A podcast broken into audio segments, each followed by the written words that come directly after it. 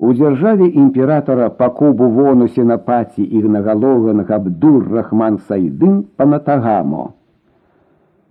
Сапраўднае імя сапраўднага імператора. Яго вялікасць сухухухан пакубу вона і гэтак далей сядзеў у сваім пакоі і разглядаў альбом з ордэнамі і медалямі ўсяго свету. Сусусухан вельмі любіў гэтыя цацкі і вывучыў на памяць усе медалі і пачэсныя знакі, якія толькі існуюць на свеце. Нават і цяпер на ім было начапляна шмат ордэнаў, у тым ліку нядаўна атрыманы ордэн нідерландскага льва. Імператор меў гадоў 50 з гакам, але па выгляду нельга было даць яму столькі, бо намаляваныя тушу барада вусы і бровы чарніліся быў маладога. Убраны ён быў у пярэстыя шаравары, саронг, паверх якога была яшчэ накінута чорная аксамітная куртка. На босых нагах пантофлі з дыяментамі, на галаве высокая чорная шапка, якую насілі яшчэ партугальцы 300 гадоў назад. Пакой быў убраны старажытную яванскую мэбляю, дыванамі, зброяй, а побач з гэтым еўрапейскія столікі, крэслы, парыжскія статуйкі, фатаграфіі і іншыя атрыбуты еўрапейскай цывілізацыі. Ціхенька адчыніліся дзверы, і ў пакоі схіліўшыся ў тры пагібелі, упоўз важны стары муж. Хай бароніць Аллах вялікага сусухунана. Што скажаш, радан Бого? Выбачай вялікі імператор, казаў радан Бого, працягваючы наперад складзеныя далонямі рукі, Мае паганыя вусны павінны скрыўдзіць твае царскія вушы. Што? Што такое? Занепакоюся сусухунан. На свята, якое мяркуе ваша вялікасць праз пяць дзён, не хопіць грошай. Сусухунан скрывіўся, нібы яму ў нос трапіла муха. Няўжо ж ты не можаш сам упарадкаваць усё гэта. Хай будзе светкая лах. Усё, што можна было зрабіць, я зрабіў, але патрэбных грошай здабыць не магу. Звярніся тады да рэзідэнта, хай ён дасць улік таго, што належыць. О, вялікі цар цароў! За гэты год нам нічога не належыць. Усе 800 тысяч гульденаў мы ўжо атрымалі, а да канца году застаецца яшчэ чатыры месяцы. Ці не мог ты наскрабці з якіх-небудзь падаткаў, не сціш мне самому збіраць грошы сярод падданых. Хай Аллах усцішыць твой справядлівы гнеў, о магутны уладар нашага жыцця. На гэтыя ж грошы мы жывем увесь апошні час. Усё, што можна было выціснуць выціснута. Сусухунан нервова стаў перакідваць старонкі альбома, а потым кінуў яго далёка ад сябе. Ну дык што ж ты параіш рабіць? Утаропіўся ён на радан Бого. Той схіліўся яшчэ ніжэй. Ці можа раіць тваёй вялікасці твой нікчэмны слуга, мудрасць твоя, сама ведае, што прыйдзецца патрабаваць грошай у рэзідэнта яшчэ наперад.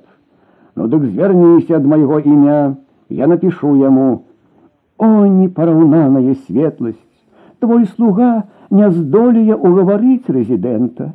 Толькі твоя магутнасць можа гэта зрабіць, асабліва калі трэба браць за наступны год. Па-за спіною радан Бого з'явіўся новы чалавек, яванец гадоў 35, убраны ў галандскую вайсковую форму. Ён ледзь матнуў рукой у знак прывітання і спыніўся, ляскаючы па ботах стэкам. Манхконы гора, мусіць, зусім забыўся, да каго з'явіўся і перад кім стаіць з нянавісцю зірнуў на яго сусухунан. А вялікі сусухунан, мусіць, забываецеся, што падпалкоўнік галандскай арміі не можа сябе трымаць так, як трымаюць вось яны. Задзірліва адказаў манхко негора, паказваючы стэкам на распрасцёртага радан Бого. Сусухунан збялеў і, здавалася, гатоў быў зрабіць нешта рашучае, але устрымаўся і глуха сказаў: « Пад гэтым мундзірам ты хаваеш усе нядобрае, ну кажы, чаго табе трэба. Я чуў, што ты не будзеш святкаваць свята сурах. Калі гэта праўда, то можа прадасі мне свайго тыгра для бойкі звяроў. Сусухунан устаў і згоднарам адказаў: « Ты заўсёды падбіраеш самыя паганыя і злосныя чуткі. Тыгр мне самому патрэбны для бойкі звяроў свята сурах. Ён адвярнуўся, адышоў у бок, даючы зразумець, што размова скончана.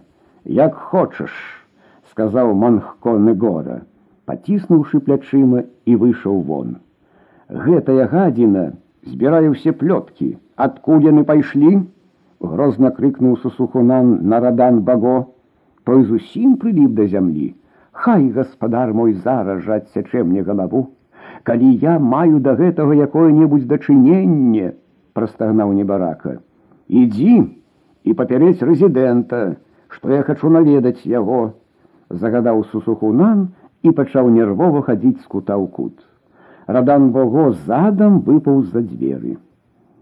Маленькая сямейная сцена с Манхконы гора з'яўляецца адным са шматлікіх вынікаў галандскай палітыкі. Гэты Негора быў пляменнікам Сусухунана і афіцыйна лічыўся яго наследнікам. Дзякуючы таму, што ў суракарце не было сталага закону аб тым, хто павінен быць наследнікам. Галандцы самі выбралі яго з сям'і сусухунана і прапанавалі імператору прызнаць яго. Прапанова была прынята. Няма чаго і казаць, што галандцы выбіралі такога наследніка, які целам і душой належаў да іх. Яму галандцы таксама плацілі грошы тысячы дзве ў год.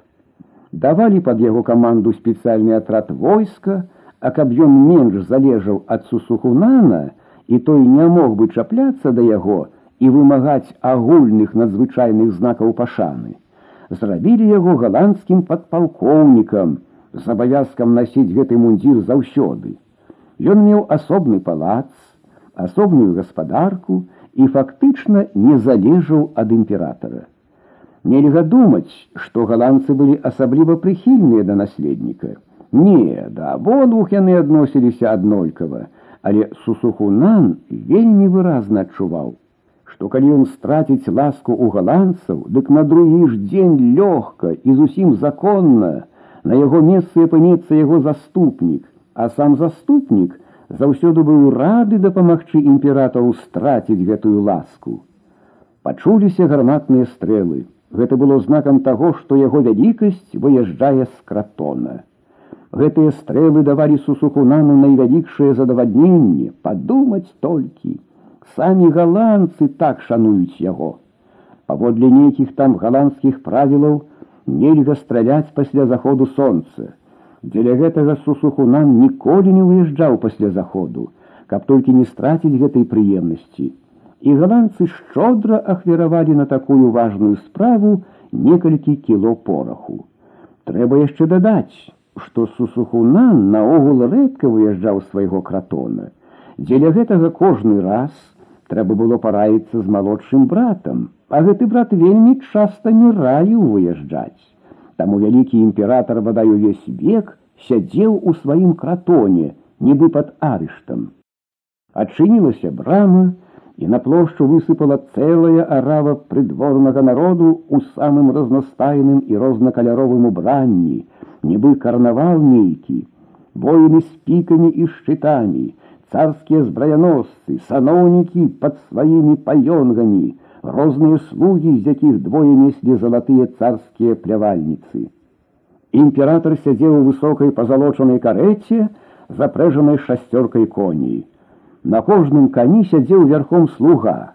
Наперадку два фурманы, ззаду паёнганосец з жоўтым паёнгам, Адным словом, кожнаму было відаць, які вялікі і магутны імператор пакубу вона сенапаці інгалонган габдур рахман сайдын панатагамо. Рэзідэнт выйшаў насустрач пачэснаму госцю і спаткаў яго на ганку. Абодва браты павольна, цырыманліва, нізка пакланіліся адзін аднаму. А потым рэзідэнт узяў імператара пад ручку і павёў у пакой. Дзеля таго, што сусухунан прыехаў ненадоўга па справе, ён загадаў сваім людзям застацца і чакаць яго на вуліцы. Калі браты апынуліся адны ў кабінеце, паводзіны абодвух адразу змяніліся. Старэйшы брат адразу страціў усю сваю важнасць і лісліва пазіраў на малодшага, а малодшы наадварот пакінуў ліслівасць і дзелавіта запытаўся: « Чым магу служыць вашай вялікасці? Я заўсёды рады наведаць майго брата і пратэктара, солодка адказаў сусухунан. Вельмі прыемна. Мне самому заўсёды прыемна бачыць вашу вялікасць. Абыякім тонам прамовіў рэзідэнт. Праз пяць дзён будзе наша вялікае свята, сурах. Паміж іншым, я хочу паставіць цікавую бойку звяроў. Думаю, вы не адмовіцеся паглядзець на гэта. Вельмі дзякую вашу вялікасць. Гэта мусіць вельмі цікава, толькі вось э, бачыце, бачыце крыху грошай не хапае. Гэта непрыемна, пашкадаваў рэзідэнт. Дык вось я і хачу попрасіць вас адпусціць крыху ў лік маёй пенсіі. Скончыў сусухунан і нават дыхаць перастаў. А ці ведаеце, ваша вялікасць, што ўсе грошы за гэты год ужо ўзяты? Ведаю, мне міністр фінансаў аднойчы сказаў, апусціў вочы імператор. Але я спадзяюся, вы не адмовіцеся даць мне крыху наперад. Ваша вялікасць, з дакором сказаў рэзідэнт. І так ужо заўсёды наперад бераце. Немагчыма аж за заступныя гады даваць павінен быць нейкі парадак, нейкая мяжа. Ведаю ўсё гэта, паважаны рэзідэнт, але ўжо так прыйшлося. Дайце ўжо апошні раз. Болей не буду прасіць. Прызнаюся вам пад сакрэтам ёсць акалічнасць, якая прымушае мяне шукаць грошай, чаго б гэта не каштавала. Я думаю, нават і вас яно датычыцца. Што ж гэта такое? Ужо больш уважліва запытаўся рэзідэнт: « Не ведаю, адкуль пайшлі чуткі, што я не маю грошай, каб адсвяткаваць належным чынам наша свята сурах. Гэтыя чуткі падхапіў манхконы гора і нават адважыўся прапанаваць мне, каб я прадаў яму свайго тыгра. Бачыце, заместа мяне Негора зробіць урачыстае свята. Што ж тады скажа народ? Гэта ж будзе памяншэнне майго аўтарытэта. А паколькі я ведаю, яно і не ў вашых інтарэсах ці не так, пан рэзідэнт. У вачах рэзідэнта бліснула ледзь значная усмешка. Ваша вялікасць павінны былі загадзя прадугледзець такое становішча. Яно так, уздыхнуў сусухунан, але ж я толькі цяпер даведаўся аб гэтым. Гэта радан Бого дасягнуў да апошняга моманту. У кожным разе цяпер другога выхаду няма. Я ўпэўнены, што вы не дапусціце, каб пахіснуўся мой аўтарытэт сярод народа. А колькі б вы жадалі? запытаўся рэзідэнт, пастукваючы пальцамі па стале і гледзячы некуды ў бок. Ды тысяч сто. Не, ваша вялікасць, гэта немагчыма. Гэта ж будзе бадай за два месяцы на наступны год. Можа, вы баіцёся, што я не дажыву да таго часу, скрывіўся імператор. Усе мы под Аллахам ходзім, задуменна адказаў рэзідэнт. Ну тады хоць 80. Болей як 50 даць не магу, цвёрда адказаў рэзідэнт. Надбаўце яшчэ хоць 10, жаласна прасіў імператор. Не, не магу. Нават гэтыя даю толькі ў знак асабістай павагі да вашай вялікасці, дзеля падтрымання вашага аўтарытэту. Хай будзе хоць так, нібы жалем сказаў сусухунам, а ў самога адразу лёгка зрабілася на сэрцы. Перакінуўшыся яшчэ некалькімі словамі, яны накіраваліся да выйсця. Як толькі пераступілі яны парог, Рэзідэнт зноў зрабіўся надзвычай уважлівым, лагодным, вывеў госця на ганак, доўга кланяўся на развітанні. Сусухунанова дружына замітусілася, выстраілася ў парадак, надзвычайная веліч адбівалася ад усёй асобы сусухунана, і гледзячы на гэтую урачыстую працэсію, народ схіляўся і дзівіўся славе і магутнасці свайго вялікага імператара, Паку, Бувона, Сенапаці, Ігнагалоган, Габадур, Рахман, Сайдин, Панатагамо. Задні бок сусухунанскага палацу выходзіў у сад. Тут і была пляцоўка, арэна для бойкі звяроў. Моцныя жалезныя краты агараджалі авальную арэну. Толькі з правага боку была сцяна з некалькімі жалезнымі дзвярыма. Гэта было памяшканне для звяроў. Дзеля такога ўрачыстага свята імператарскі сад быў адчынены для ўсяго народу. Яшчэ задоўга да прадстаўлення пярэсты натоўп абступіў краты. Нізенькая агароджа перад кратамі ледзь стрымлівала націск. Узброеныя царскія слугі сачылі за парадкам. Ад палацу сюды выходзіла шырокая веранда з мармуровымі калонамі і шырокімі мармуровымі ступенямі. На верандзе под аксанітнай павеццю стаялі два крэслы, роўныя як адно. На верандзе таўклася прыдворная чэлядзь, чакаючы выхаду імператара. На ступенях размясцілася варта, страшэнныя паўголыя малайцы з вялікімі крывымі крысамі на пагатове. Тут жа ўнізе чакаў гамелянг, струнны яванскі аркестр. Раздаўся гук гонга, усе ўскочылі, выстраіліся ў шэраг, сцішылі дыханне, нават у натоўпе народа не чутно было ні гуку. Расчыніліся дзверы, выйшаў нейкі дзіўны цырыманій майстар з вялікім кіем, а за ім паважна выплылі два браты. Ішлі яны побач, і можна было заўважыць, што кожны стараўся, каб яго сусед не выперадзіў яго ні на адзін сантыметр. Цікавае было злучэнне мяшанага на палову фантастычнага адзення сусухунана, з дасканалым белым еўрапейскім гарнітурам рэзідэнта. Заіграў ганелянг, загоў народ, бліжэйшыя распасцёрліся на зямлі, і пад гэты шум з лагоднымі усмешкамі браты накіраваліся да сваіх крэслаў. Кожны з іх меў падставу думаць, што гэтыя шумныя прывітанні адносяцца галоўным чынам да яго. Браты селі, зараз жа па баках стала варта а ззаду двое слуг з вахлярамі, каб ахалоджваць сваіх уладароў. Жонкі сусухунана у ліку некалькіх дзесяткаў ішлі ззаду і размясціліся побач на падлозе на мяккіх дыванах. Толькі галоўнае з іх мела крэсла. Манхконы гора таксама меў збоку сваё асобнае крэсла. Рэшта прыдворных размясцілася, як хто хацеў. Частка стаяла навокал, а большая частка прысела на карачкі. Ад стракатых саронгаў, шырачэзных рознакаляровых шаравараў, яскравых шапах стажкоў, рознакаляровых дарагіх каменняў, якімі былі усыпаны не толькі адзенне і зачоскі жанчын, але нават і валасы мужчын, ад усяго гэтага аж увачох мільгацела. Народ тым часам пачаў выяўляць нецярплівасць, усім хацелася хутчэй убачыць цікавую бойку. Нарэшце па знаку сусухунана падняліся ўверх дзверы звярынага будынка, і на арэну выйшаў дужы чорны дзікі буйвал. Радасныя галасы народа спалохалі яго. Ён спыніўся і не ў паразуменні пачаў азірацца навокал. Потым ступіў некалькі крокаў, зноў спыніўся.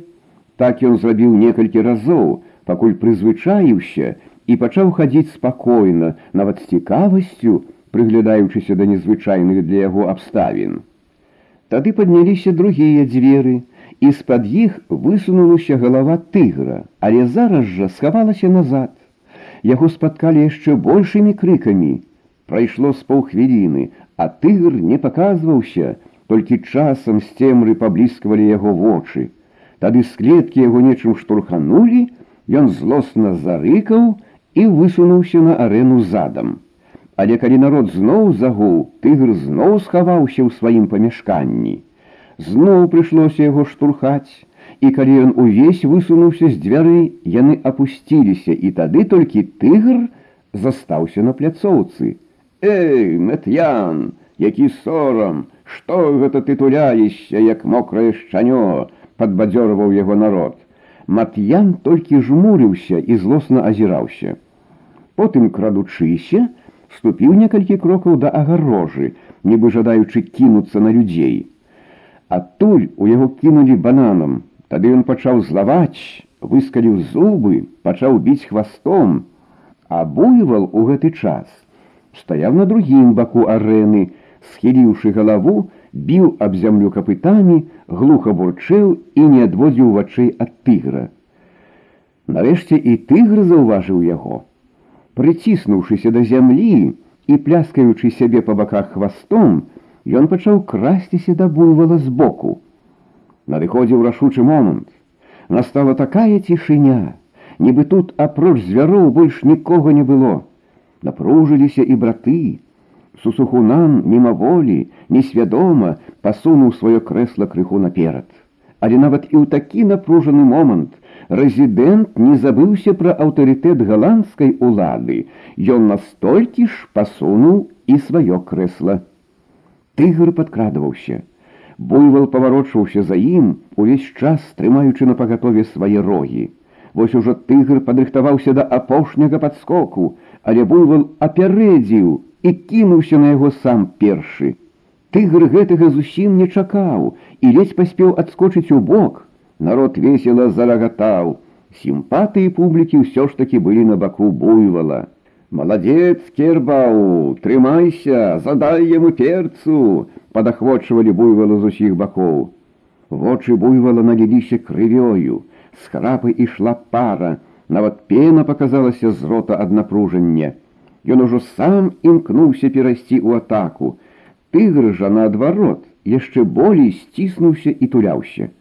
І вось раптам публіка ўбачыла тыгра ў паветры. Ён ляцеў наўскасок прама на карак буйвалу, але той матнуў галавой і дапамог тыгру пераляцець на другі бок. Скарка быў вырваны кавалак скуры, а тыгр параніў аброгі нагу. Але зараз жа, з незвычайнай хуткасцю, нібы яшчэ ў паветры, тыгр завярнуўся назад і апынуўся ў буйвала на карку. Сусухунан яшчэ пасунуўся наперад, а за ім, не адводзячы вачэй ад сцэны і рэзідэнт, жудасны рэў вырваўся з грудзей буйвала, але ў адзін міг ён зваліўся на бок і прышчаміў ніжнюю палову тыгравага тулава да кратаў. Пачуўся хруст, гэта пакрышыліся косці тыгра, але галава і пярэднія лапы яшчэ рабілі сваю справу. Буйвол закідваў назад галаву, каб зачапіць ворага рогам. Гэта яму слаба ўдавалася, але і тыгр паступова слабеў і сцішаўся. Нарэшце тыгр сканаў, а буйвал хоць і быў яшчэ жывы, але ўжо не ўстаў. Вельмі цікавая бойка, задаволена казаў сусухунан рэзідэнту, уваходзячы ва ўнутраныя пакоі. Рэдка здараецца, каб абодва разам перамаглі адзін аднаго. Так, цікава, адказаў рэзідэнт, хоць сапраўды яму не вельмі падабалася такая пацеха. Сярод гасцей быў Іван Декер Гейс. Пасля ад'езду салула і пандо ён паехаў да начальніка канцелярыі рэзідэнта. Высокі, сухі і суровы мінгергаза, пачуўшы, што тут пахне капіталамі, адразу зрабіўся не толькі ласкавым, але, здаецца, і ніжэйшым па росту. Сам рэзідэнт пажадаў сустрэцца з рэдкім госцем і прыняў яго ў тым самым кабінеце, дзе некалькі дзён назад прымаў яго імператарскую вялікасць. Прычым розніца ў прыёме была зусім не ў карысць яго вялікасці. Перад прадстаўніком фірмы рэзідэнт быў зусім не такі важны і горды, як перад вялікім імператарам. Рэзідэнт вельмі зацікавіўся планамі кампаніі Ван Бром, абяцаў дапамагчы ўсім, чым толькі можа. Калі наогул нашы капіталаўкладанні наяве вельмі пажаданыя, казаў ён, то ў той частцы, якая лічыцца незалежнай, ён усміхнуўся. Гэтыя укладанні яшчэ больш патрэбныя, бо гэта і найлепшы спосаб асваення краіны і далучэння яе да нашай культуры. У такім разе дазвольце задаць вам адно вельмі важнае для нас пытанне, сказаў Гейс. Калі ласка, мы чулі, што становішча наяве напружанае, што можа нават выбухнуць паўстанне. Пры такіх умовах самі разумееце, укладаць капіталы вельмі рызыкоўна. Для нас было б вельмі важна ведаць ваш погляд на становішча. Ад вашага адказу у значнай ступені будзе залежыць уся справа. Прэзідэнт адчуў усю адказнасць свайго становішча і сур'ёзна разважліва сказаў: « Каб гутарка ішла аб сурабаі, батавіі ці іншым падобным пункце, я абсалютнай гарантыі вам не даў бы, хоць асабіста я упэўнены, што небяспекі не можа быць. А што тычыцца суракараты, то я магу вам даць поўную гарантыю, Праўда, ёсць у нас некаторыя фантазёры нацыяналісты, якія мараць аб адраджэнні старадаўняй матарамскай імперыі. Але яны мараць аб гэтым ужо некалькі соцень гадоў і могуць марыць яшчэ тысячы без аніякай шкоды для нас. Вельмі вам дзякую, сказаў гейс на гэты раз ужо зусім шчыра, бо запэўненне рэзідэнты было больш карыснае для справы паўстанцаў, чым для кампаніі ван бром. Пасля гутаркі з рэзідэнтам гейсу, уласна кажучы, не было чаго рабіць у горадзе, але трэба было чакаць яшчэ тры дні. Сяк так правёў ён два дні, а на трэці яму трапілася магчымасць пабываць у гасцях у самога сусухунана. Выйшла яшчэ так, што газ на гэтым свяце пазнаёміў гейса з радан Бого. Ён можа быць карысным для вашай справы, шапнуў гейсу газ, падыходзячы з ім да міністра. Гейс з жахам адхіснуўся і пільна паглядзеў у вочы газу. Што гэта значыць? Няўжо яму вядома, што гаварылася тады ў доме пандо, Няўжо пандо здраднік. Але праз момант гейс зразумеў, у чым справа і нават пачырванеў. Не думаў я, што з такім міністрам мне прыйдзецца мець справу, сказаў ён, каб што-небудзь сказаць. Тоўстая фігурка і хітрыя вочки радан Бого, лісліва замітусіліся, калі ён вітаўся з галандцамі. Гаварыць з ім ейс не меў аніякай ахвоты, і ён уздыхнуў лягчэй, калі пасля некалькіх пустых фраз радан Бого пабег, як ён сказаў, па гаспадарчых справах. Працяг святкавання адбываўся ў зале. Галоўным нумарам былі яванскія танцы скрынкі і бедоіё. Заіграў гамелянг цягучую сумную аднастайную мелодыю, і на сярэдзіну выйшлі танцоркі выключна прынцэсы імператарскага роду. Увесь танец складаўся з павольных рухаў, нібы шпацыравання ўзад і ўперад, з прысяданнямі, выгінаннямі, падобнымі да змяіных рухаў. У кожным разе тулавай рукі больш рухаліся як ногі, асабліва выкручваліся рукі, суставы, пальцы, выкручваліся незвычайна, ненатуральна. Незвычайныя абставіны, публіка, танцоркі, іх змяіны танец, аднагучная ціхая музыка, усё гэта пачало нібы зачароўваць ейса, наводзіць сон, тым болей, што прайшло паўгадзіны, гадзіна, паўтары, а танцам і канца не было відаць. Сусухунан сядзеў ля стала, пацягваў халоднае пітво, курыў і, відаць, з прыемнасцю сачыў за танцамі. Вось ён кашлянуў, і зараз жа збоку падпаўзла на карачках дзяўчына з залатой царскай плявальніцай. Атрымаўшы порцыю царскай сліны, яна таксама на карачках, але ўжо задам пасунулася назад, трымаючы плявальніцу над галавой. Але рэзідэнт пакутваў. Шмат разоў бачыў ён гэтыя аднастайныя танцы. Калі спачатку яны вельмі цікавяць еўрапейца, дык потым ужо робяцца нуднымі, асабліва калі гэта цягнецца на працягу бадай што двух гадзін. Рэзідэнт безупынна пазяхаў і сяк і так варушыўся, каб толькі не заснуць, і быў надзвычай задаволены, калі танцы скончыліся. Надыходзіў вечар, госці выйшлі на веранду ў сад. А што будзе далей? запытаўся гейс у газа. Мусіць еўрапейскія танцы, а ў 12 гадзіне вячэры.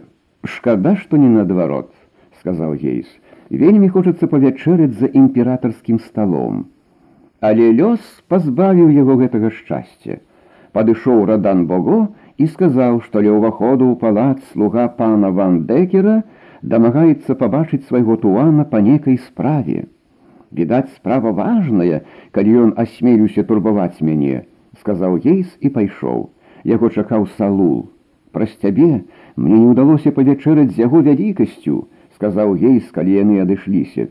Нічога, павячэраем калі-небудзь разам у гэтым самым палацы і за гэтым самым сталом, адказаў яму ў тон салу. Калі госці сусухунана пад раніцу раз'язджаліся, яны маглі заўважыць, што ў адным з вокнаў гатэля ўсё яшчэ гарыць святло. А на другі дзень раніцою прыйшоў пасланец ад панду. Удзельнікі нарады павінны былі сабрацца кіламетраў за 15 адсюль у лесе у руінах старадаўняга храма, і пасланец павінен быў правесці туды ейса і салула. Нанялі падводу без возніка, завозніка сеў пасланец, і пасля поўдні рушылі ў дарогу. Гарадок жыў сваім штодзённым жыццём, капашыліся тубыліцы, часам праходзіў ці праязджаў еўрапеец, ківаўся ў паветры паёнг якога-небудзь саноўніка, гарачыня яшчэ не зменшылася, і вуліцы былі сонныя млявыя. Ніхто, здавалася, не звярнуў на падарожнікаў увагі, і ні ў якім разе нельга было падумаць, што за імі наглядае нават цэлы хвост зацікаўленых людзей.